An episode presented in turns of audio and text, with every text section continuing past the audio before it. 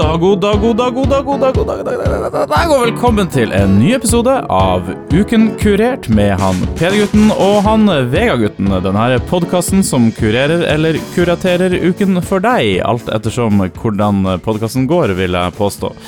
Podkasten begynte som en nyhetspodkast hvor vi diskuterte nyheter og slikt, og har etter hvert utviklet seg til at Vegard bruker hele uka si på å lese seg opp på interessante nyhetssaker, kanskje ting som har falt litt eh, gjennom gjennom eh, sprekkene og komme med ny og spennende informasjon. Så jeg syns det er ganske gøy å sitte her. Velsigna gøy, vil jeg si, og få høre på Vegard uh, raljere, hvis det er et ord, om uh, ting som har skjedd. Dele med sin kunnskap. Men vanligvis er begge to i studio. Men i dag morges så um, skjedde det noe her på jobben. Det kom inn to karer fra mm, De vil ikke si helt hvor det var fra, men det var tydelig at det var fra politiet, for de hadde den der sivilpolitibilen utfor. Uh, og måtte ta en prat med Vegard om en ferie han var på på Karmøy på 90-tallet. Så uh, da trodde jeg lenge at jeg blir alene her i studio, men vi har fått han med på link, tror jeg, fra hemmelig sted. Det er du her, Vegard. Det er jeg. Hva var det som var på der? Nei, det er bare en misforståelse. Å oh, ja, Nei, det var bra det bare var en mm. misforståelse. Ja. Ja, eh, det har jo vært en spennende nyhetsuke. Ja, jeg kan vel bare avkrefte med en gang at jeg hadde ingenting å gjøre med Birgitte Tengs-mordet. Det har du sagt i mange år, eh, Vegard. Men han var jo 50-årene, og det er ikke der helt ennå. Ja, pressen skriver mye rart, da. Ja. Er, er du enig i den påstanden, mm. ettersom du har lest mye nyheter?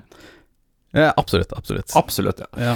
Du, det har jo vært en veldig spennende nyhetsuke, så vi gleder oss jo til å komme i gang med å høre hva du har funnet ut. Og jeg har sett på sakslista du har lagd her.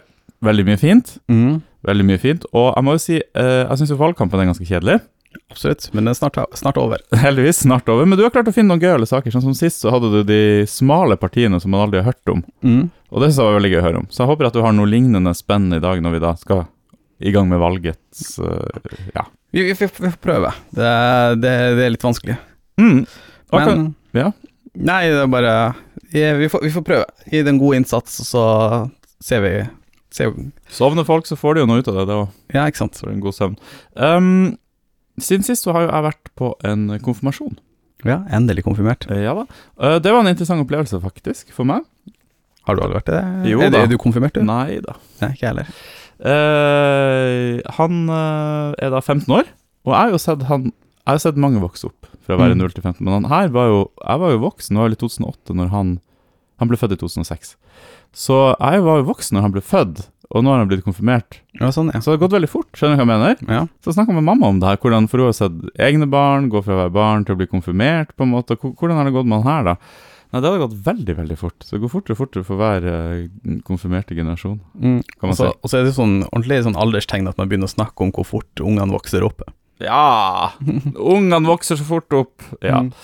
Det er det absolutt, Vegard. Jeg husker det var som i går, du var bare en liten pjokk som løp rundt her på ja, gulvet. Men du vet at etter hvert så begynner de klisjeene å gi mening, når ja, ja. det er sånn. Fordi han var jo en liten pjokk. Jeg hadde han på besøk inne i Oslo, han var en veldig liten gutt. Som mm. har blitt høyere enn faren plutselig. Det var helt rart. Men jeg skulle egentlig ikke snakke om konfirmasjon. Nei. Jeg skulle snakke om stedet jeg var på. For det syns jeg var en artig opplevelse. Ja. De hadde leid Det her var i Brevik konfirmasjonen var. Uh, er det der Anders kommer fra? Nei, men det er, er veldig rart, det der. der. Uh, at det stedet heter det. Mm. Det er veldig rart, på en måte, hele den sammenhengen. Jeg tenker på det hver gang jeg kjører forbi. Det må jo alle gjøre når de kjører forbi. Brevik. Ja, han har ødelagt litt navnet litt. Ja, og det er jo en bedrift Og Fjotolf-navnet også. En hjørnesteinsbedrift i Grenland som heter ABB. Ja, ja. Det er jo det som lager sånne sikringsskaft. Jeg tror det må, kanskje de har rebranda sånn, jeg er ikke sikker. Mm. Men Brevik og ABB Jeg tror til og med ABB hadde en, kanskje en liten avdeling i Brevik. Jeg synes det er gøy å tenke på. Nå heter det ma Mannshaus. Eh, men jeg skal si det huset. Så det er en stor sementfabrikk der.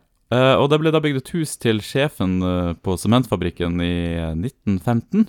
Eh, og det var det huset konfirmasjonen var på. Og det var så kult eh, lagt opp, fordi det er jo mange sånne Eh, steder rundt omkring i Norge man kan leie for å ha konfirmasjon og bryllup. Og det er jo ofte et gammelt hus som er veldig velholdt. Det her hadde den interessante karakteristikk at det var ikke så, det var ikke så velholdt. Det var drevet av de som eier sementfabrikken, og de klippa plenen og gjorde litt sånn av og til, og så kunne folk leie det til ting og tang, da. Så det var liksom Første etasje var veldig, veldig velholdt og fint, på en måte.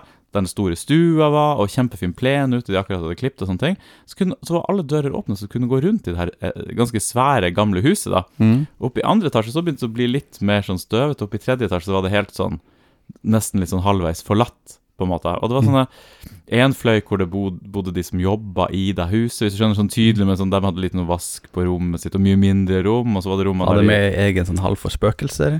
Ja, altså, det føltes som et spøkelseshus. Jeg fikk veldig lyst til at vi skulle ta en lang helg, nei, en kort helg. Dra på fredag, reise hjem på søndag, to netter der, og bare ha kjempestor middag i middagsstua, dra opp på de små rommene og Mm. spille mafia i løpet av kvelden. Da maler alle man kjenner, eller i hvert fall sånn fem-seks stykk der. Det kunne vært en ganske fin høstaktivitet, vil jeg påstå. Ja.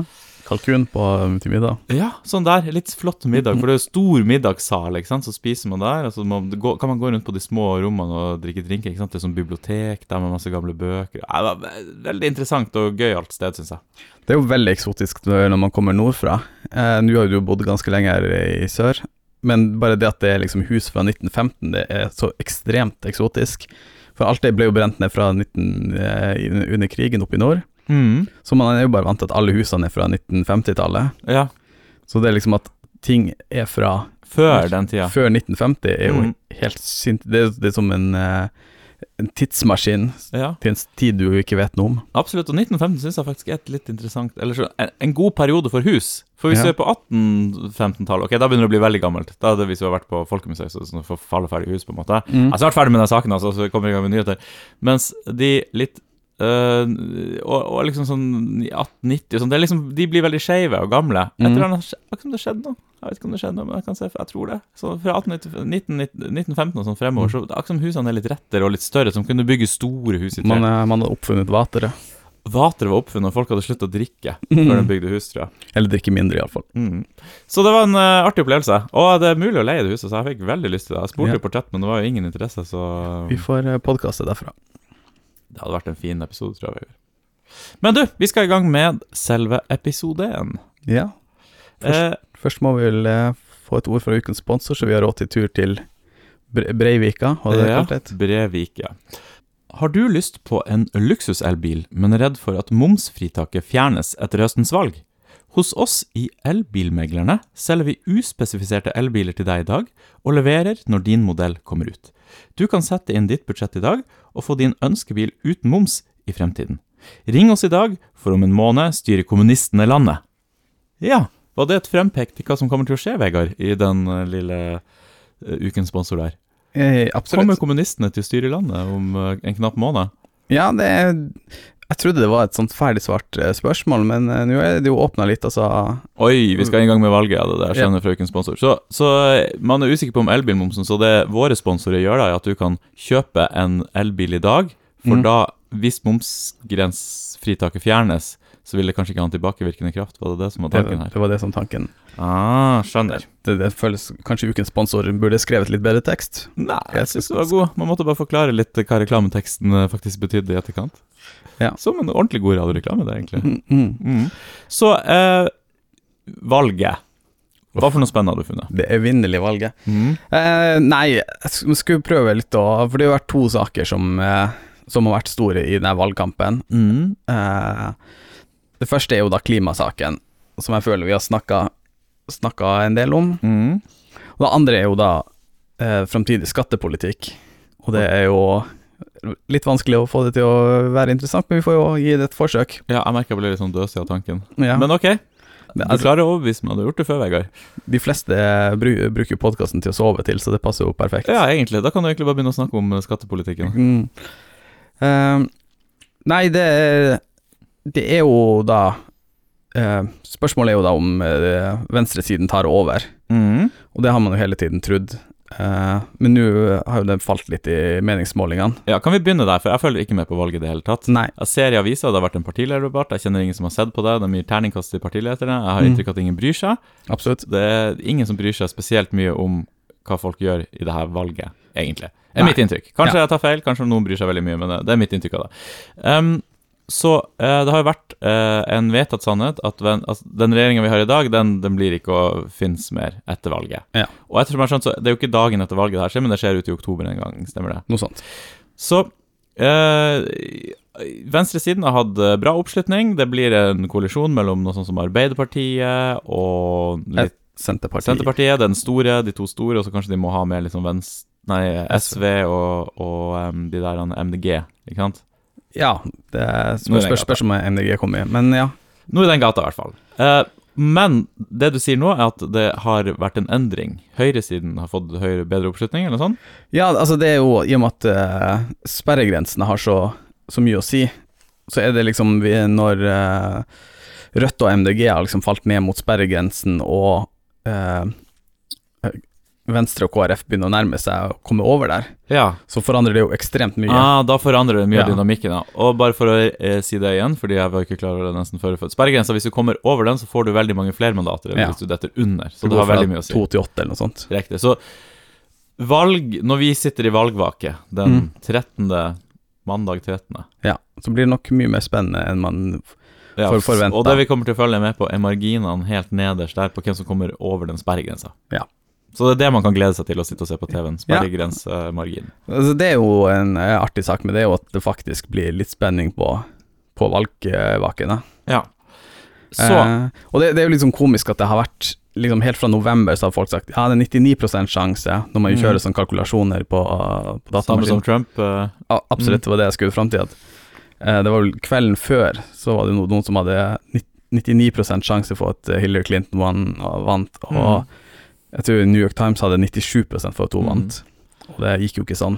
Det er jo en god, god måte å vise frem prosent eh, på, da, Ja. Vegard. At selv om det er 99, så er det jo 1 sjanse for at det kan gå andre veien. Ja, jeg mistenker jo at det, det var noe grunnleggende feil der i spørreundersøkelsene. Ja. men det du hadde lyst til å snakke om i dag, var skattepolitikken. Ja. Eh, hva altså, hvordan vil den påvirke seg eh, Mhm. frem, fremover i tid? Det, det virker ikke som det blir så ekstremt eh, ekstremt mye forandringer. For eh, det virker som både Arbeiderpartiet og Senterpartiet har vært litt sånn eh, avmålt i liksom snakk om eh, skatter. For Mhm. man husker før forrige valget, eh, så gikk jo liksom eh, Arbeiderpartiet Da var det mer sånn populistisk bølge med, med Bernie Sanders og Jeremy Corbyn. Det var liksom litt i lufta at man skulle være litt sånn eh, Arbeiderpartisk. Ja. Mm. Eh, så da gikk jo de veldig hardt ut at nei, her skal skattene opp, skattene kommer opp til å gå opp. Eh, uten at de nødvendigvis hadde så mye argumenter på hva man skulle bruke det til, mm. bortsett fra generell velferd. Mm. Eh, så nå har de gått litt sånn stille i dørene denne gangen. Eh, selv om meningsmålingene viser at eh, sånn 70 er for økte skatter på de rike, Mhm.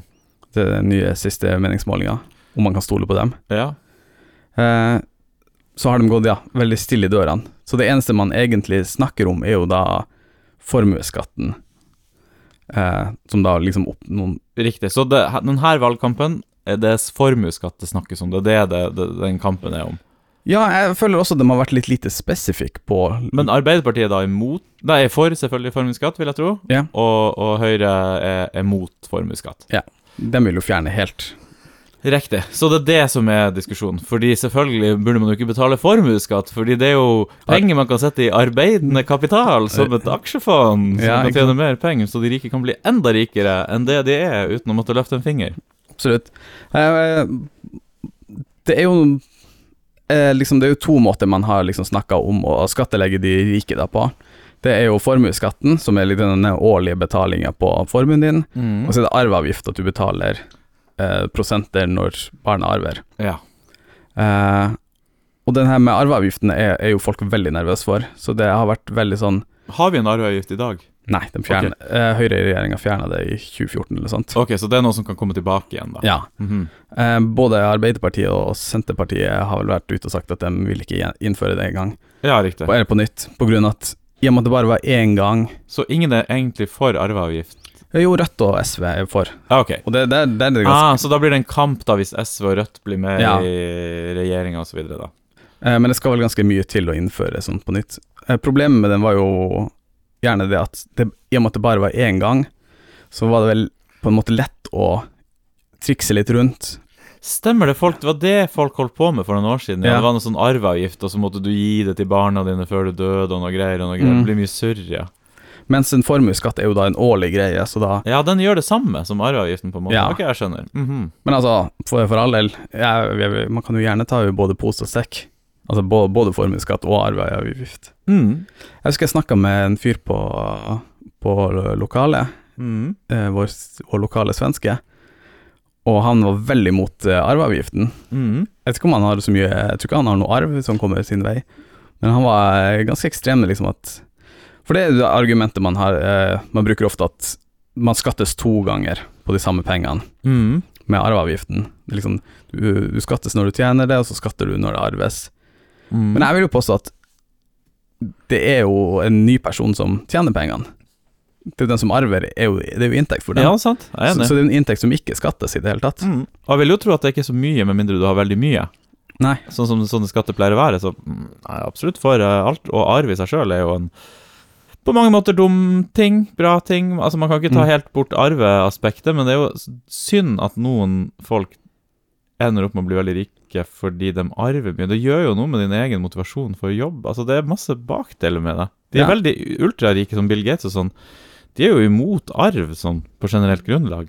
Mm. Og det er jo to tredjedeler av de hundre rikeste i Norge er jo arvinger. Ja, Men to er tredjedeler, ikke sant? Så det er bare penger som går. Men samtidig, du kan jo ikke bare utslette familieformuen som, som de har tjent på tobakk og røyk i tusenvis av år, før de har endra navn på fondet sitt til noe som høres litt grønnere og flottere ut. mm. Noe som Ferder, eller hva det heter for noe der eh, fondet til tobakksgjengen. ferdig, ja. Ferd, ja. Tjent masse penger på tobakk. Prøvde å rebrande fondet til at det er noe helt annet. Skrevet om nettsider på Wikipedia, så det virker som de ikke har drevet med tobakk i noe særlig grad. Kom Mm. seg ut av det når det begynte å bli farlig. Og så sitte der og bare fortsette å tjene penger på det. Klart det skal skattes. Eh, De har tjent men penger på norske folks lidelse. mm. Men uh, mest sannsynlig så blir det jo ikke innført da, for det Ja, det Jeg tror det Tror det Ja. I og med at det er så enkelt, og Det, blir liksom bare masse skjønner, Det er for få som har lyst til å ha det. Så en, vi, er- vi her i Uka Kurert Vi er for en formuesskatt, Mm. men vi er ikke for en arveavgift. Eller Nei, jo, vi er for begge ja, deler. vi er for det. Ja. Vi, vi er for alle skatter. Er vi kommunister? Eh, nei, ikke egentlig. Jeg vet jo ikke hva jeg er mer. Nei. Jeg vet ikke hva jeg skal stemme engang. En god gutt er det du er. Du kan få min stemme. Hva skal Mm. stemme? Eh, Norske Samers Riksforbund. Den er god. Har de Kan jeg stemme på de i Oslo? Nei, kun i sametingsvalget. Mm. Kan jeg stemme i sametingsvalget? Nei, dessverre. Hvorfor ikke? Det er litt rasistisk sånn. Hva er definisjonen på en same? eh, at du føler deg samisk. Er det bare det? Nei da, det, det, men det er masse forskjellige måter du kan være Må man gå tilbake i min historie, måle min hodeskalle, sånne ting? Mm, ja. Jeg blir provosert. Du vet at kvenenes uh, er jo mye lettere. Mm. Føler seg kvensk. ja, men det er ganske lett også hvis du er samisk, hvis du først eh, setter inn eh, Vi snakker jo ofte om at man burde prøve å søke litt sånn kulturstøtte og sånn til de her urbefolkninga vi tilhører. Det hadde vært veldig gøy å komme i gang med Du, du snakker veldig mye om det. Ja, jeg syns det hadde vært så gøy å få noen tusenlapper fra staten fordi jeg er kven. Ja. Vi ble jo undertrykt, vi òg, vet du, Vegard. Kanskje vi skal starte en kvensk podkast på kvensk? Det hadde vi fått støtte for, da. Mm. Garantert. Pappaen er en åndprest. prest. Det er veldig få som snakker det språket. Jeg tror vi kunne kommet ut av det. Uansett, vi skal videre til et annet land. Et Ja. land som jeg av og til tror er det verdens største øy, det her landet. Jeg skal bare si én ting til på skatt. da. Eh, det var bare det at eh, Det som det ser som enighet på venstre side, er at eh, inntektsskatten på folk som tjener over 750 000 skal opp, mens den som er under 750 000 skal mest sannsynlig ned. Ja, det syns jeg høres eh, bra ut. Absolutt. For de som tjener over det, da, de tjener ganske bra. Ja. Ehm, så vi skulle til et land som jeg først må stille deg spørsmålet. Er Mm. det verdens største øy? Og hvis det ikke er det, hvorfor er det ikke det? For det har jeg aldri skjønt. Nei, det er vel det noen mener er et kontinent. Det er det som er problemet til den Ja. øya. Ok. At, på- at på et eller annet tidspunkt så blir det jo ting et kontinent. Men er Australia stort nok til å være et kontinent i seg sjøl? Er det verdens minste kontinent? Oceania, heter det det? Eh, Australia. Oceania er hele området. Er, Med liksom New Zealand og ja, okay. er Australia verdens minste kontinent? Eh, Det spørs om man definerer eh, Antarktika som kontinent. Noen som gjør det også. Ok, så det er enda mindre. Jeg tror det. Mhm. Det ligger veldig nært Australia, gjør det ikke det? Uh, ja. Og der har vi en forskningsstasjon Troll. Ja. Og på samme måte som jeg har lyst til å reise til Brevik i den hytta med mine venner i en helg, så har jeg også lyst til å reise til Troll en helg. med dine venner. Ja, absolutt. Sitte der i mørket og spille mafia. Det hadde vært ganske Ja. gøy. Så i Australia så er det nå lockdown, for det har kommet en delta-variant av viruset korona dit. Stemmer det? Ja, eh, Australia som New Zealand, men litt mindre enn New Zealand, Mm. i og med at det er en øy, vil noen påstå, Mm. eh, så har de klart å holde seg ganske sånn holdt det unna, for de har stengt grensene ganske brutalt eh, eh, ganske tidlig hver gang noe har vært utbrudd. Mm. Eh, så de har jo klart det da, å holde, holde smitten ganske godt ute, men nå har- med delta-varianten så har det liksom kommet ganske hardt inn i landet. Mm. Så nå er det sånn 1000 smitta hver dag der. Såpass, ja. Gjelder det både Australia og New Zealand? Nei, New Zealand har vel ennå klart å holde det ute. Ok. Um, og i og med at de har vært så flinke å holde det ute, så har de også vært veldig trege med vaksiner. Litt sånn Ja. som Norge var i begynnelsen. Mm. Eh, så der er bare 30% fullvaksinert. Ja. Så når først smitten eh, slår ut, så Men vi skulle ikke snakke om korona, bare sånn eh, Det var noe annet som du hadde funnet her som var veldig gøy, var det ikke det? En app? Ja, men det er jo en del, det av korona. Å ja, riktig. Så jeg kom for Ja, det er jo korona, på en måte. Bare, ja. Ok. Mm. Eh, og i og med at de hadde så suksess første gangen de, eh, smitten brøt ut, eh, mm. de hadde den flatten the curve som de var veldig hard på den der Stenger Stenge folk inne, ka, sitte i karantene, ingen drar ut. Mm. Så har de bare innført det på nytt, eh, men de har innført det så ekstremt. Eh, der jeg tror liksom I Norge og sånt har vi lært at vi var kanskje litt i overkant, men første gang vi stengte ned Mm. det, det liksom gå med, med maske rundt i parken, det Det er innafor. Mm. Nei, det er ikke noe vits. Ja, sånn, ja. Mm. Eh, men det, det har jo de ikke lært i det hele tatt. Jeg tror de lærte at det var en suksess. Så jeg følte ikke det var lov å gå i parken med maske på første lockdown. Altså. Jeg bare mener at man satt inne i Norge. Uansett, vi skal Ja. ikke snakke om det. Eh, så de, eh, de har da innført sånn total eh, lockdown, sånn her at ja, du får lov å gå ut to timer om dagen. Mm. Eh, du må ha på deg maske hvis du går ute, selv om du er langt unna folk. Eh, mm. Noen steder, altså i og med at det det er sånn som USA er en føderasjon, Mm. så er det liksom litt forskjellige regler rundt omkring. Mm. Eh, du har ikke lov å reise ut av landet, Mm. så du, du er helt innestengt eh, i, i nasjonen. Mm. Eh, du, mange sånne stater har du ikke lov å reise mellom, Riktig, ja. så du kan liksom ikke reise fra Oslo til Bergen. Mm, det, er ikke, det er ikke lov. Uh, og uh, verst av alt var Ja, nei, også, også har du ikke lov å være utendørs mellom 23 og klokka 5 om morgenen. Å ja, såpass, ja. Så Ja. man har en sånn curfew. Sånn Ja. heter det. Men er alt stengt? Restaurant, bar, alt er stengt, eller? Eh, jeg tror alt bortsett fra det liksom essensielle, så dagligvarebutikker. Så, det, så det, de er helt sånn som Norge var i begynnelsen. Jeg skjønner, for det her er jo første gang de opplever det her. Ja, Sånn, på en måte. Ja. Eh, men i tillegg så har de jo gått helt ekstremt, for de har fått sånne her eh, digitale virkemidler. Ja, for det her jeg syns er gøy, som du, når du fortalte om det her. Ja. Mm. Eh, vi prøvde jo i begynnelsen med en sånn tracking-app, ja stemmer det. Mm. ja. men det var jo helt suksess, nei, eh, fiasko, og liksom Jeg vet ikke om det var hvem, Det var en eller annen sånn statlig etat som mente at det her var ikke lov å gjøre. ja, sikkert Datatilsynet. Eh, I uh, Australia så har de gått tusen ganger mer hardt inn på det der. Mm. Så det vil si at den her sporingsappen, den, den kommer Av og til så sender den en melding. Så hvis ikke du Så da I løpet av et kvarter må, da må du sende bilde av ansiktet ditt, Ja, riktig. for de har facial recognition i appen, og bevise liksom at du er hjemme hos deg sjøl ved å ta et bilde av deg sjøl. Ja, riktig. Og da har du 15 minutter på å svare. Mm. Hvis ikke så sender de politiet til deg for å sjekke at du er hjemme i huset. Mm.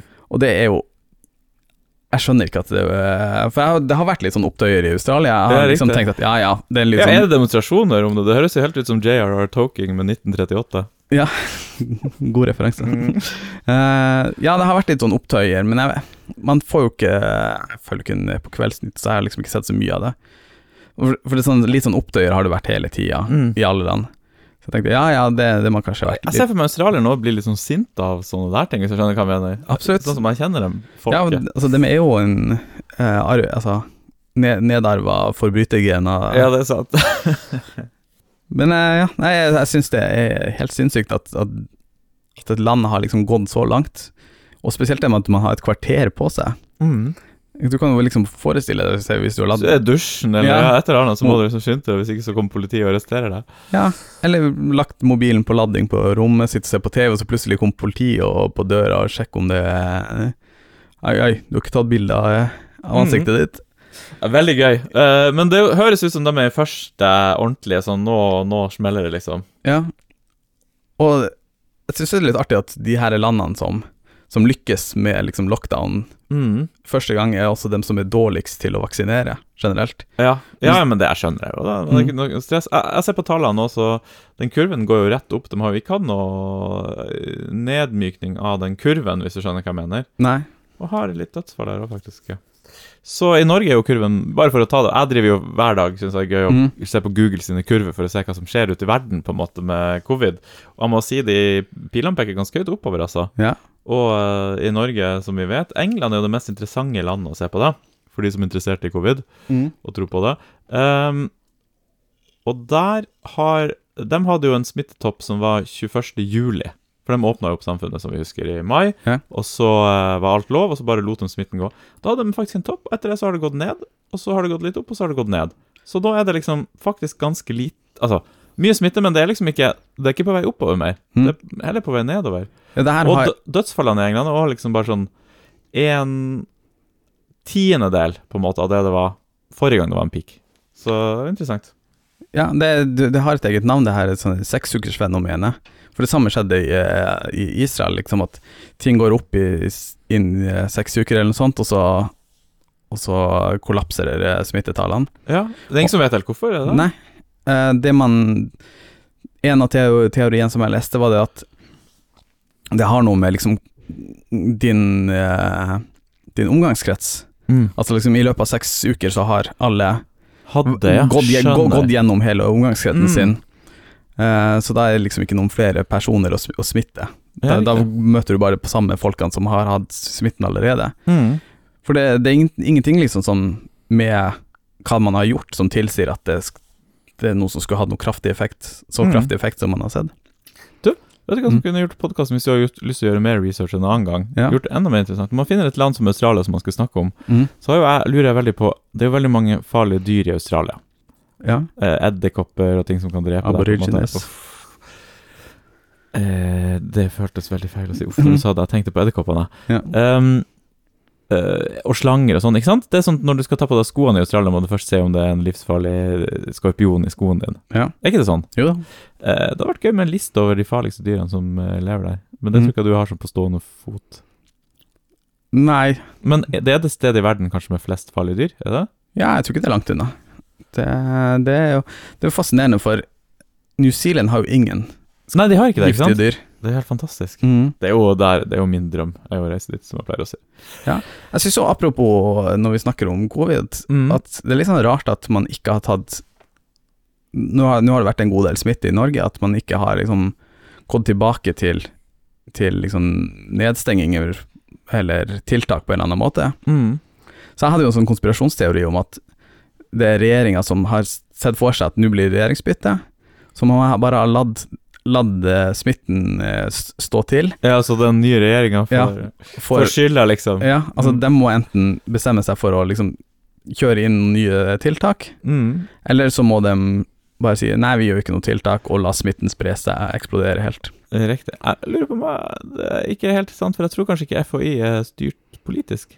Altså de som velger om man skal stenge det eller ikke. Nei, det var noen, noen som nevnte at FHI mente jo på et eller annet tidspunkt, sa jo på et eller annet tidspunkt, og fikk litt sånn pepper for det, at på et eller annet tidspunkt så kommer alle nordmenn til å ha fått korona. Ja, Det er ikke noe vi kan gjøre med.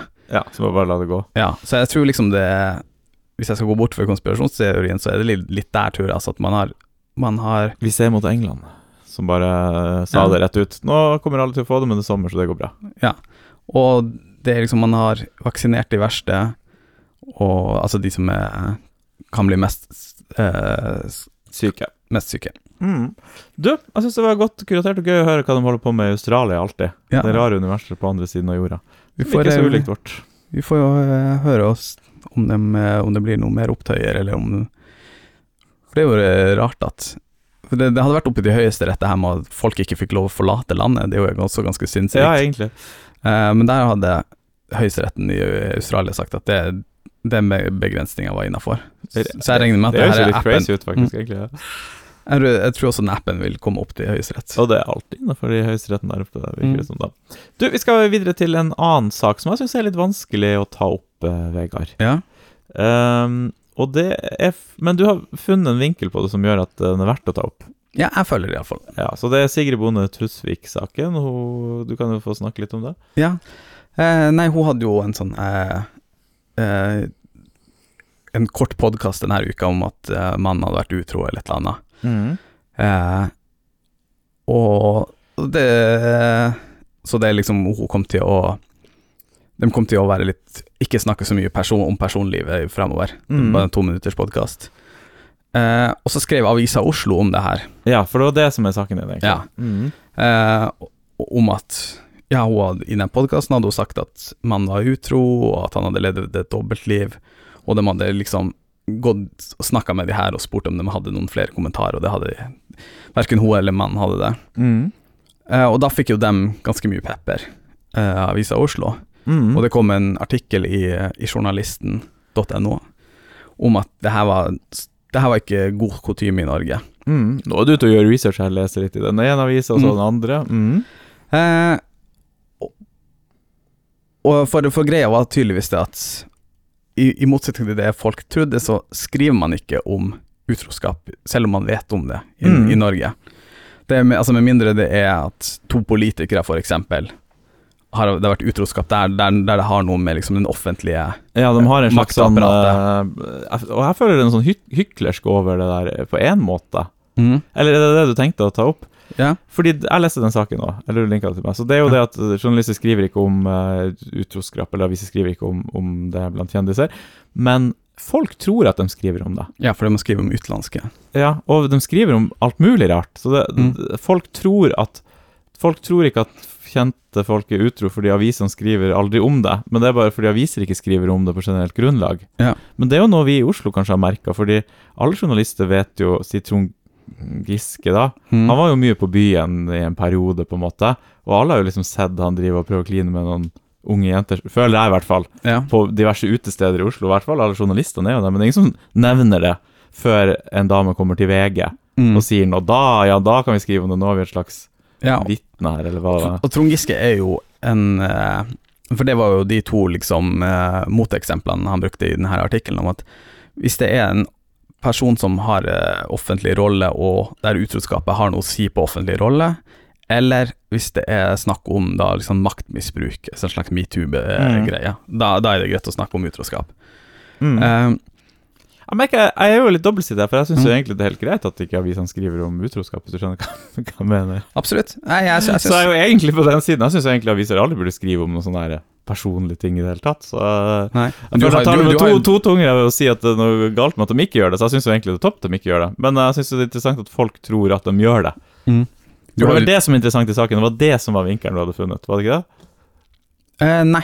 Nei. Eh, og det var det jeg skulle si, du har jo dine egne grunner til å være mottatt av avis og skrive om det. Ho, ho, ho. Eh, nei, eh, min vinkel var da at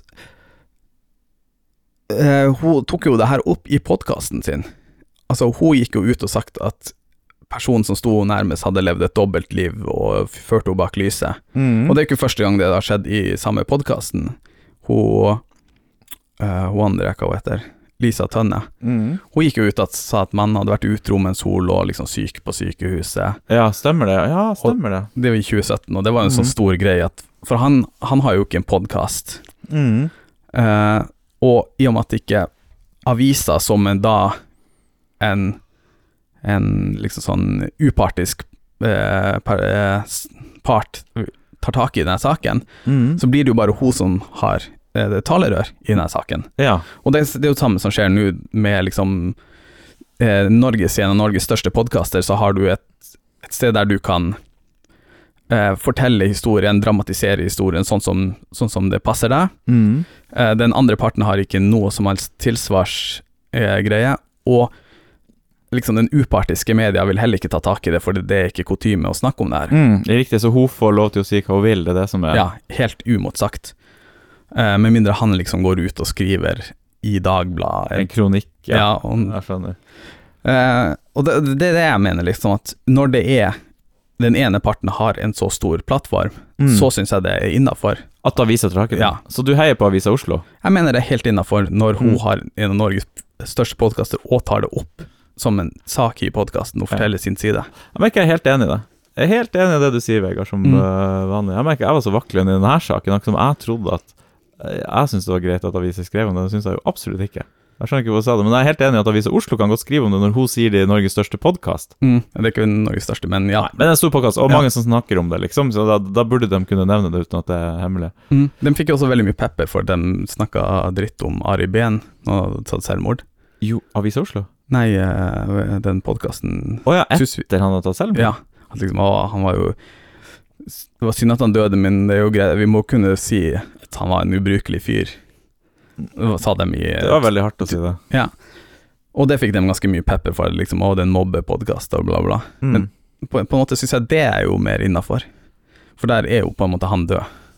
Og Det er trist at familien må høre det, men du syns det er greit at de sa at han var en ja, det, det syns jeg er mer eh, innafor enn å anklage en levende person for å ha gjort noe mot det. Ja, ok, jeg skjønner, øh, jeg skjønner logikken din i det du sier. Mm. Selv om jeg syns det var hardt å gå hardt ut mot Ari Behn. Men uh, ok. Ja, jeg syns, også det er hardt, men det er på en måte innafor hvis, hvis du vil være en litt hard podkast. Du, det her var en komplisert og vanskelig sak. Var det det? Ja, jeg syns det. Jeg kom skjevt ut. Jeg kom skjevt ut. Du klarte å Du klarte å, å, å, å kurere deg, eller kuratere deg tilbake inn. Mm. Eh, God. Du klarte å ha en fin og rett strek og linje i det. Så jeg var fornøyd med din, eh, din del av denne delen av podkasten. Jeg syns jo det Men er jeg syns den var litt vanskelig. Ja, Det er greit. Eh, Jeg synes jo Et annet sånn aspekt er jo det her med at når man har en liksom sånn personlig podkast, eh, så må det være litt sånn rar den her greia med å med at man monetiserer sin egen eh, traume, Mm. og at du, du blir liksom finansielt eh, motivert av, av å fortelle liksom de, de såreste tingene til utrolig mange eh, eh, mange ukjente folk. Mm. Og man sier jo liksom det at ja, men det er greit, greit å eie sin egen historie og bla, bla, bla. Det, det er bare godt å dele. Mm. Jeg vet ikke når det profittmotivet eh, knyttes sammen med det her eh, å fortelle sin egen historie. Eh, at det blir en sånn perverse insentiver der med at eh, man, man gjør seg sjøl mer Altså, du, du pynter på på det som har skjedd med deg, og bygger kanskje en mer dramatisk historie enn det faktisk er, for, Mm. fordi det, det selger bedre. Ja, sånn, ja. Mm. Jeg vet ikke. Ja, jeg syns det var godt sagt, eh, det du sa der, eh, Vegard. Ja. Jeg Har ikke folk gjort det i alle år med Se og Hør og Jo, jo, jo. Eh, men på en måte så var det jo at det, det er noe med, med hvor mye det skjer. Det er liksom Mm. sånn at Greit nok at eh, Tusvik og Tønn og det, de tjener millioner på det, men tenk så ille det er med alle de her eh, liksom Instagram-kjendisene som tjener par tusen her og par tusen der for å liksom Å, la meg fortelle min voldtektshistorie. Ja, sånn, ja, jeg skjønner hva jeg mener, ja. At det, mm. det blir en slags sånn her eh, At du får et økonomisk initiativ for den Ja. lille her. Jeg tar lagen den lille saken her. ja, Ja, om, om mm. det mest traumatiske som skjedde i livet mitt. ja. For li likes and clicks. Mm. Det er noe, det er noe perverst over det. Jeg er enig, Vegard. Likes and clicks. Det er det vi lever for, vi òg, da. Absolutt. Um, du, nå skal vi endelig til en skikkelig gladsak, vil jeg si. Eller Ja. saken i seg sjøl. Jeg vet ikke om det er en gladsak, men jeg syns det er i hvert fall en veldig gøy oppdagelse. Og det her syns jeg er det mest interessante med dine nyhetsgranskninger, når du dukker opp sånne her ting. Mm. Så mer av det, gjerne, Vegard. Altså, det er ikke den saken vi akkurat hadde, men den nye som kommer nå. For vi skal snakke om McFlurry. Ja, fanta Den- fantastisk produkt. Ja, denne milkshaken, er det det? En iskrem? Milkshake. Ja, det er en slags softis-lignende greie som er liksom med sjokoladestrøssel og sånt. Ja, jeg må si jeg spiser den ikke så ofte, men den ser veldig god ut. Jeg bare Ja. føler når McDonald's Alt McDonald's lager, har ganske mye sukker og kalorier i seg. Ja, så jeg er føler? Når de lager iskrem, så er det vel kanskje da makser de vel ut eh, den delen av det, tror jeg. jeg tror ikke det er langt unna. Um, men det du har funnet ut av, er veldig gøy. Kurater. Eh, ja, det her var jo Altså, det er ikke noe jeg oppdaga, det står jo på i Dagbladet. Så det er bare at det er en sånn sak man aldri gidder å klikke seg inn i. Eh, det er da et, et ektepar eh, Nei, la, la oss gå litt mer tilbake. Mm. Eh, de her eh, softis-maskiner eh, og McFlurry-maskiner er i USA lagd av ett selskap, Mm. eh, som da eh, har en avtale med, med, med McDonald's. Mm. Eh, så viser det seg da at de her maskinene er lagd utrolig dårlig. Eh, så det, det er liksom halvparten av gangene eh, så, så står de eh, eh, ødelagt. Eh, og det er blitt en sånn meme i USA at å, jeg skulle ha en is, men maskinen var ødelagt, Mm. som alltid. Eh, Jeg føler jeg opplevde det i Norge òg, vil jeg ta feil. ja, jeg er veldig sjelden på McDonald's. Ja, egentlig. Jeg er ikke hver uke. Jeg sånn syns jeg husker at det er sånn skilt at McFlurry-maskinen funker ikke. Mm. Nei. Eh, og greia er at det her selskapet som eier de maskinene, eller som lager de maskinene, har i denne avtalen eh, et sånn avtale om at de skal, man skal kun bruke autoriserte eh, Reparatører, reparatører, da. Og så tar de seg utrolig godt betalt, mm. som da den eh, franchise-takeren, altså den, den som eier den McDonald's-filialen, må betale. Mm. Eh, som da, da er ganske dyrt. Og, når denne maskinen blir ødelagt ganske ofte, så har, har det blitt en slags kald krig mellom dem som driver filialene og McDonald's sentralt. Mm. Men man, man gidder ikke å, å ringe det her. Jeg syns det er veldig gøy som McDonald's har fått For McDonald's tjener jo penger da når maskinene blir reparert. Det er det som er Eh, Det er en teori, det er ikke bevist. Ah, ok, greit. Men eh, det selskapet tjener iallfall veldig godt, og man har en teori da om at Det eh, må jo være et insentiv for at det kun ett selskap skal å reparere det. Det må jo være at det går noe tilbake til McDonald's, vil jeg tro. Eh, det er også Det her er en litt sånn sidesak, men Mm. eh, som vi kan ta senere. Eh, men uansett, de, de har også gjort det så Denne maskinen er liksom dårlig lagd, så den blir helt ødelagt. Og så har de gjort masse sånne triks for at ingen skal kunne reparere den. Mm. Liksom på å ha liksom de ansatte fikse et eller annet, slå i en eller annen ting. Så de har laga en hemmelig meny der, Mm. du, der du får all eh, sånn diagnose på, på maskinen, hva som kan være galt. Ja. Så du må liksom trykke, trykke 16 forskjellige tegn Mm. for å komme inn i menyen der du får eh, vite hva som er. ja, sånn er en sånn øh, vanskelig kode for å ja, få ja, se ja, det. en sånn hemmelig kode at du må trykke forskjellige ikoner i Ja, riktig rekkefølge. Mm. Sånn spion med Mm.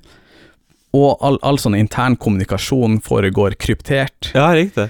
Eh, Så de har gått out of their way da for å gjøre det vanskelig å diagnosere og reparere maskiner? ja. Mm. Eh, så var det et eh, ektepar, da. Tenk så kynisk å velge mm. den approachen liksom, når du lager noe. Ja. Ja. Eh, så det ektepar fant ut at det her kan jo være det fordyrende med, eller forbilligende mellomledd. Så de lagde en maskin og, som liksom hadde tyda alle de kodene, Mm. Eh, som du kunne putte på maskinen, og så sender den deg SMS at ok, nå må du gjøre et eller annet med denne delen av Mm, maskinen, skjønner. for det kommer sånne feil, ikke feilmeldinger, men liksom sånn Mm. den, den kommer til å bli ødelagt snart, sånn at du kunne holde, holde maskinen gående Ja. hele tida. Eh, så de har jo da blitt anmeldt av, av det her selskapet, og det her selskapet har stjålet en, stjålet en maskin av deres, og lagde et eget produkt som, Mm. de, som de skal selge ved siden av, som gjør den samme jobben. Ja, gjør samme jobben, ja. Så de kunne bare gjort det enklere å diagnostere, men istedenfor lager de et produkt du må kjøpe til Ja. maskiner for å få diagnosen. Sånn skjønner. ek ekstra service. Genialt, da. Ja. Uh, og ja, som sagt, noen, mange som mener at i og med at McDonald's, for dem gikk også knallhardt ut mot det ekteparet som lagde den maskinen, Mm. og man tror at da, da McDonald's får en cut av de her reparasjonspengene, Ja. at det er deres insentiv, for det, det blir jo en slags ekstra inntekt for dem. Det må jo være en grunn til at man filialen. filialen. Ja, Ja. Vanskelig å reparere. Du, Det er en veldig artig sak, syns jeg. Ja. Så hvor, hvor er de nå, da? Eh, har de slutta å lage den tingen? Nei, det er en rettssak mellom dem og Ja. altså, Så det her handler jo om det store spørsmålet har man lov til å reparere sine egne ting. Absolutt. Og det er jo en stor uh, greie uh, generelt i, i, uh, i forretningsverden. Ja. Så nå har jo EU da innført en, eh, innført en lov som sier at alle sånn hvitevarer, all, alle sånne tekniske greier må tilby eh, æsj, sånn eh, reservedeler. ja, riktig. Bortsett fra eh, PC-er og mobiltelefoner. Ja, riktig. Så hvis, det, hvis eksempel vaskemaskinen din eh, blir ødelagt, så må de i forhold til EU-direktivet eh, ha reservedeler hvis du spør om det. Mm. Og det, det har blitt en sånn liten uh, det har vært lenge en sånn stor konkurranse uh, om, om man skal Om det skal være en rettighet, da. Mm. Og det, det er greit nok at det er på hvitevarer og sånn, så da er jo det neste steget liksom med mobiltelefoner. Ja. Og der har jo Apple nå Tidligere i vår hadde du en rettssak med en fyr på ski Ja. som hadde et enkeltmannsforetak som reparerte eh, skjermer. Mm. Uh, og han hadde vært i Kina og kjøpt masse sånne uh, skjermer som hadde en Apple-logo på, Ja. og så hadde han strøket over Apple. For i Kina så selger de bare med Apple-logoen ja, på. Mm. De driter i det. Mm. Uh, så, men i, i Europa da, så må man enten kjøpe en sånn Originaldel som er fra Apple, ja, eller noe? Mm. Nei, altså hvis man, hvis man er en sånn enkeltmannsforetak som vil reparere, Mm. får man ikke kjøpt fra Apple, for den vil Ja, sånn, ja. De, De vil vil bare ha de selv. ordentlige butikkene, ja. Mm. Så du må enten kjøpe en sånn billig skjerm, eller så må du eh, importere en av de her fra Kina, Mm. der de har en mye mer infrastruktur. Men der fjerner de ikke logoen. Mm. Så hans løsning var da å ta en tusj og stryke over Ja, men hva ble saksøkt for da, egentlig? Eh, varemerke ja. Ja, det var det, ja. Ja. Mm, for det er ikke ulovlig å reparere Apple-produkter. det det er ulovlig å late som du har en originaldel når du ikke Ja. har det. Det er det som er rettssaken, vil jeg tro, ja. Ja. Så det var ikke nok med den tusjen. Nei. For det hadde jeg bare lyst til å si om Apple, ikke for å ta det i forsvar. De har vært skal du ta det med forsvar? Nei, men de har vært Så. I Windows-verden så er det jo en eh, stor greie med å bygge egne maskiner. Du kan bytte ut alle delene, du kan gjøre hva du vil. Det er veldig bra, Mhm. det, da. Og Apple har jo vært sånn i veldig mange år. Jeg har jo bytta ut masse deler i masse Apple-maskiner. Mm. Men det blir vanskeligere og vanskeligere for hvert år. Og grunnen til det i datamaskinene til Apple er ikke fordi de ikke vil at folk skal reparere maskinene sine. Mm. Det er fordi for at du skal i 2021 lage en veldig kjapp og bra maskin, Mhm. Så driver du jo da og lodder ting og ordner ting til det her hovedkortet for at ting ikke skal dette ut. Det er jo det som Mm. egentlig er greia. Og rammen er så spes spesiell, og den må ligge så nært prosessoren som overhodet mulig, at du må liksom lodde den på veldig nært. Det, det er liksom masse sånne ting som gjør at hvis maskinen skal være kjapp, så blir den også så å si umulig å reparere. For Mm. Til og med for Apple blir det vanskelig å kunne reparere det, fordi alt er på én chip, og du må bytte ut den chipen hvis det går noe. Så det er en grunn til at det har blitt sånn. Jeg føler hvitevarehandelen har bare kasta seg på at Apple har gjort det vanskelig å reparere. Ja, nå er det greit at det skal Mm. være vanskelig å reparere, vi skal prøve å tjene penger på det. Jeg tror ikke det var utgangspunktet til Apple. Og som sagt, man kan reparere mobiler i en piratsjappe, men da er du en piratdeler, på en måte. Uh, ja. Og det er greit. Jeg har gjort det mange ganger. Det funker Mm. fint å få en skjerm fra Kina. Det er jo ikke noe problem, egentlig. Jo, men det er jo tydeligvis et insentiv. Altså, den vil jo ha at du De går vil ha det ordentlig, men jeg er usikker på om Apple De er jo ganske sånn kline om det er fordi de vil at tingen skal bli reparert ordentlig. Ja, det, det føler jeg er litt søkt. Ja, det, at de driver og saksøker en, Jeg, jeg et enkeltmannsforetak på ski for, å, Ja. for, å, for at folk skal clean mobil. Da, Ja. da er du da er ganske naiv. Men- Men eh, d- Apple bruker de store profesjonelle firmaene til å gjøre det. Jeg er usikker på hvor mye penger Apple tjener på det. Si Apple-huset kan jo reparere, og det, de sender ut det Office Jeg husker Mm. ikke hva det heter, reparasjonssjappa, av og til. Og uh, det, jeg er usikker på hvor mye Apple tjener på reparasjonene. Jeg tror Apple-huset tjener mye på reparasjonene, Mm. hvis du skjønner hva jeg mener. Jeg tror det er dit pengene går. Jeg tror Apple bare Noen er autoriserte forhandle, noen er ikke autoriserte forhandle. Skal du være autorisert, da må du i hvert fall kunne gjøre det på en ordentlig måte. Ja, jeg tror kanskje du betaler litt for å bli autorisert. Ja, det gjør kanskje det. Jeg vet ikke. Jeg er ingen anelse. Jeg bare kaster rundt meg med ting som jeg har opplevd i hvert fall gjennom mitt liv i reparasjonsverden. Og ting Mm. som er lett å reparere, detter ofte også ganske dødt fra hverandre når det kommer til i hvert fall teknologi, altså eh, mobiltelefoner og datamaskiner. Ja. Det skal sies at uh, Peder har kun Apple-produkter. Nei da, jeg har et par Windows-maskiner. Og de kan jeg reparere og ordne Mm. meg hvis jeg vil. Men siste ting jeg skal si om den saken, når det kommer til datamaskiner, det er flott å kunne reparere ting, Mm. men teknologien går såpass fort at etter tre år så er det liksom Det hjelper ikke mer å bytte ut prosessoren sånn som det var i 1994, at du kunne bytte ut prosessoren på hovedkortet, fikk du raskere, fordi det er liksom Arkitekturen forandrer seg også. Ja, har det Nå er det jo et, Akkurat nå er det jo sånn her skifte mellom prosessor og sånt. Eh, Jeg føler liksom denne Moores lov har jo stoppa på en måte litt opp. eh, I aller høyeste grad. Jeg tror ikke den eh, gjelder mer, dessverre, Vegard. Nei, så sånn sett så vil jo liksom på sikt være bli større greie, insentiv for å eh, For å holde ting reparert.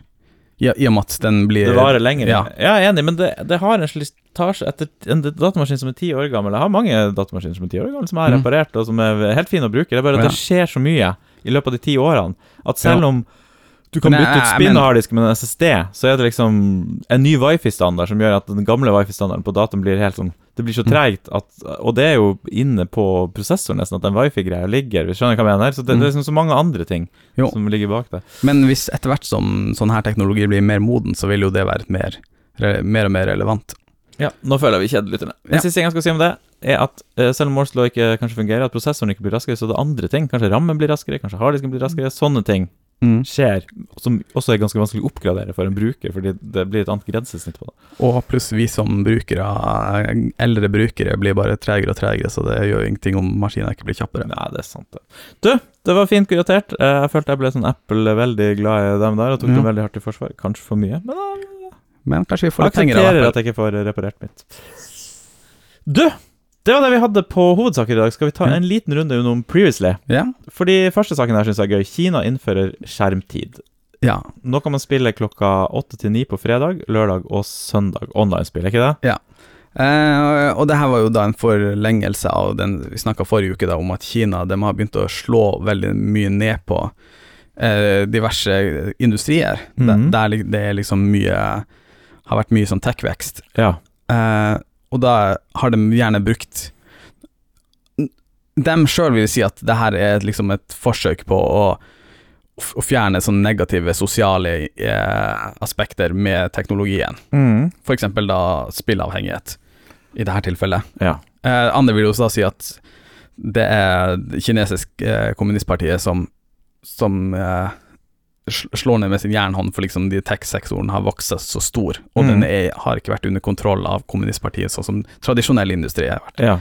Så deres måte å, å Slå ned på er å bare nekte folk å bruke produktet. For eksempel. Mm. Eh, og, det, ja, og det som du sier, én time om dagen har de innført da som en begrensning på alle sånne online-spill i Kina, Mm. som er helt absurd. Helt absurd, ja. Ja. Men alle følger det, da? Nei, jeg vet ikke om det er Det må ha innført forsvunnet det utrolig her er mye for, denne uka eller noe sånt, så jeg vet ikke om Ja. det er liksom Det må ha innført helt ennå. Det må ha forsvunnet forsvunnet ekstremt mye folk fra spill, eh, Starcraft 2, alt, liksom, Mm. i løpet av da bare noen dager. Det er jo ganske brutalt. Ja, igjen, jeg, jeg vet ikke om det er innført ennå. Ah, sånn, ja, ok. Eh, men ja, man vil jo tro det at eh, enten så blir folk å finne en løsning rundt det, Mm, ja, ikke sant, VPN. Så er ved det- VPN på en eller annen måte.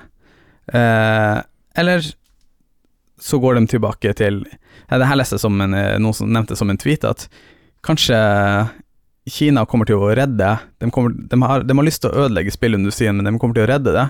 Mm. Fordi alle kinesiske utviklere kommer til, da, til å bytte over til gode, gammeldags singleplayer-spill. Sånn som vi savner, vi ja, det er det, folk. ja, det er det jeg har lyst til å sitte og spille. Ja. Absolutt. Ja, riktig, det er det som kommer til å skje, kanskje. ja, for den Får man skikkelig mye bra singleplayerspill. Det er en veldig artig tanke eh, rundt det her. Nå ble jeg Ja. egentlig positiv til det forslaget. ja. Ja, jeg er jo også Jeg hater jo sånne uh, Always Online-spill. Ja, ja, altså, jeg liker å spille veldig litt om den. Jeg begynte på et nytt OnePlay-spill i går, jeg, faktisk. Som Hva da? var overraskende gøy. 12 minutes, tror jeg det het. Oi, jeg har aldri hørt om det. Ja, sånn timeloop. Du er i en leilighet, og så går samme tiden om igjen og om igjen. Så Ja, det høres veldig litt kult ut. Ja, faktisk kulere enn jeg trodde. Jeg satte meg ned med det, og så tenkte jeg ja, jeg kan se hva det er for noe, da. Det høres Det det, høres ut som det funka i VR. Ja, det hadde gjort, men Ja, det hadde faktisk gjort det. Det hadde faktisk Mm. vært et kult VR-spill. Helt enig. Oh, det var en god idé. Ja. Mm. Anyways. eh, Tesla sin autopilot etterforskes. Ja. eh, jeg husker ikke om jeg nevnte det her i forrige uke, tiden flyter litt sammen. Mm. Eh, vi snakka jo da om Tesla-bot i forrige uke, og Ja. at eh, han Elon Musk ikke nødvendigvis alltid leverer akkurat hva han lover. Mm. Uh, og de har jo da hatt, lenge hatt den her full self-driving, som det da autopilot kalles på, på folkemunne. Mm. Eh, som det koster da 10 000 dollar og som en feature i bilen når du, eh, eh, Teslaen din når du kjøper den, Ja, riktig. og 199 dollar i måneden eller sånt. Mm. Eller året, jeg vet ikke. Eh, eh, men så viser det seg jo at liksom som en autopilot så funker den jo veldig dårlig. Altså Det eneste den funker til, er jo liksom å holde Holde deg innenfor en lane hvis du kjører på Ja, mot, motorveien. Så når du er ute og kjører, så kan du trykke på den, så får, slipper du litt, men ikke helt, ja. Mm. Ja, for den har mye problemer i bybildet. Ja. Eh, Nå viser det seg da at eh, en sånn her statlig etat i USA, som heter NHTSA, Mm. National Highway Safe, Transport Safety Administration, Mm. eh, har åpna en sånn etterforskning, fordi det er masse sånn Teslaer som har krasja inn i parkerte eh, sånne her eh, ambulanser og, og, og politibiler. Ah. Fordi mennesker skjønner jo at å, blinkende lys, jeg må bremse ned. Ja. Det vises, de tror at autopiloten piloten skjønner ikke det, så de har bare most rett inn i eh, ja, parkerte ambulanser. Mm. Eh, så da har de da åpna en eh, Etterforskning rundt Etterforskning, det, ja. for å se om Teslaen faktisk bare kjører da- inn i ambulanser, ja. Ja, Mm. og hvis det viser seg at det er det som er greia, så kommer jo man, man til å liksom Man kommer ikke til å godta det som en standard hvis, hvis autopiloten din moser inn i Ja, nei, er ambulanser. Interessant. Det er en sånn problem de har merka, som de viser video på nett, at eh, Tesla autopiloten begynner å bremse når det er måne ute, fordi den tror det er gult lys. Ja, riktig. Mm. Ja, men det, det er jo mange sånne Jeg har sett noen videoer med å lure maskinlærte ting. Ja. Eksempel med å skrive eple på en lapp, og så viser de skjermen eple. Ja. Det er et eple, liksom. Mm. Fordi det, ja. Det, det, det er liksom Når man begynner å, å se på maskinlæring og liksom Det er jo veldig dum intelligens, på en Ja. måte, som, som bare blir lært opp til det den kan. Så med en gang den blir litt forvirra, så skjer det rart. Så det er jo skummelt, der. For så vidt. Du, og helt til slutt skal vi selvfølgelig innom Laila Bertheussen en liten tur. ja. Der har det skjedd noe nytt. Det er ikke så mye nyheter, men uh, det har skjedd sånne Det har vært ny tagging ved huset, de har funnet en eller annen flaske med noe greier, Ja. og han, advokaten har fått blitt tilsendt et brev med eh, pulver, og hun har fått blitt tilsendt et sånn brev, det sto ikke at det var pulver eller noe sånt. Mm. Og det, det virker, Jeg leste saken, det virka veldig som hun sto bak det her også. Var veldig sånn anonyme ting som Ja. hadde liksom skjedd, og noe kameraopptak fra noe kamera som noen andre hadde satt opp Ja. etter. Det var mye rart i den saken. Det eneste jeg syns var litt rart i denne saken, var at de ikke var nevnt hvor hun var. Hun er i gang med en anke, og det Hun er vel det? Ja, det skal Mm. vel opp på vei til Ja, det er sant. Jeg trodde hun satt inne, men det gjør hun selvfølgelig ikke. Nei. Uh, så jeg det, det sto ikke der i saken, men det Det, det var jo en sånn greie uh, at hun hadde jo en, en eller annen partner Ja. som man aldri fant ut av, Mm, som drev og postla ting fra Sverige. Mm. Det er gøy. Det blir spennende å se hvordan det utvikler seg. Det blir vel bare mer og mer da anonyme ting som skjer, eh, som ikke hun har noe med å gjøre, da. Mm. Du, det var vel det vi hadde på eh, Laila Bertheussen-podden i dag. Ja. Det blir spennende å se hva som skjer. Ja, det gjør det. Du, takk for at du ville lytte på, og god helg. Har vi en ukens moral? Ja, det var det. Jeg har ingenting. Eh, husk å ha mobilen på deg i tilfelle du får melding fra myndighetene. Ja, Det var godt sagt, Vegard. Da har vi lyst til å ønske alle våre lyttere en god helg, og så kommer vi tilbake med en ny episode neste uke. Kyss og klem.